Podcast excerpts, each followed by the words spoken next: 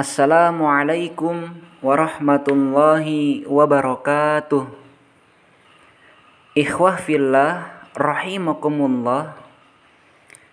Di antara nikmat Allah yang mesti kita syukuri adalah nikmat waktu luang atau nikmat kesempatan.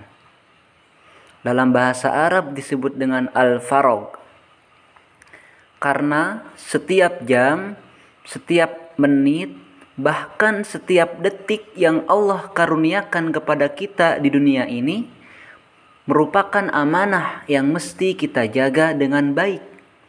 Karena saat ini kita hidup di tempat yang fana dan kita akan berjumpa dengan kehidupan yang kekal dan abadi, yaitu kehidupan akhirat. Imam Al-Ghazali rahimahullah pernah berkata bahwa ada empat sifat kehidupan dunia yang harus difahami oleh manusia. Jika kita memahaminya, maka kita akan baik dalam menjalani kehidupan ini.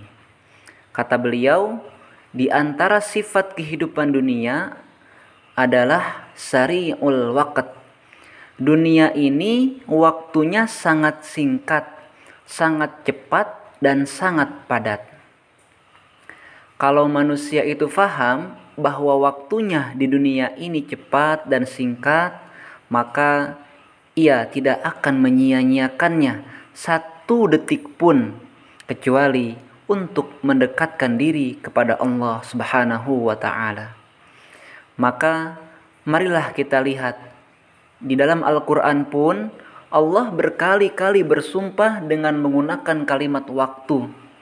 Bahkan ada surat yang dinamakan dengan kalimat waktu. Di waktu fajar, Allah bersumpah dengan kalimat wal fajri. Masuk waktu subuh, Allah pun bersumpah dengan kalimat was subhi. Naik waktu duha, Allah bersumpah dengan kalimat wad duha. Naik waktu siang, Allah bersumpah dengan kalimat wan nahar. Naik waktu sore, Allah bersumpah dengan kalimat wal asri. Naik waktu malam, Allah bersumpah dengan kalimat wal laili. Bahkan di sepertiga malam pun Allah bersumpah dengan kalimat wa minal laili. Ini menunjukkan bahwa Allah itu seakan-akan sedang memberikan pesan cintanya kepada manusia sedang mengingatkan kita yang masih diberikan kesempatan hidup di dunia, wahai manusia, waktumu di dunia ini sangatlah singkat, waktumu di dunia ini sangatlah cepat dan padat. Maka janganlah disia-siakan kecuali untuk mendekatkan diri kepadaku dan untuk berbekal menuju kehidupan akhirat. Ikhwah fillah rahimakumullah oleh karena itu, mari kita syukuri, nikmati, dan jaga nikmat waktu luang dan waktu sempat yang Allah berikan.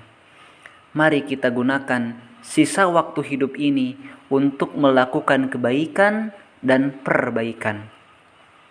Sehingga setiap detak dan detik kehidupan yang kita jalani ini bermanfaat dunia dan akhirat. Cukup sekian. Semoga bermanfaat. Wassalamualaikum warahmatullahi wabarakatuh.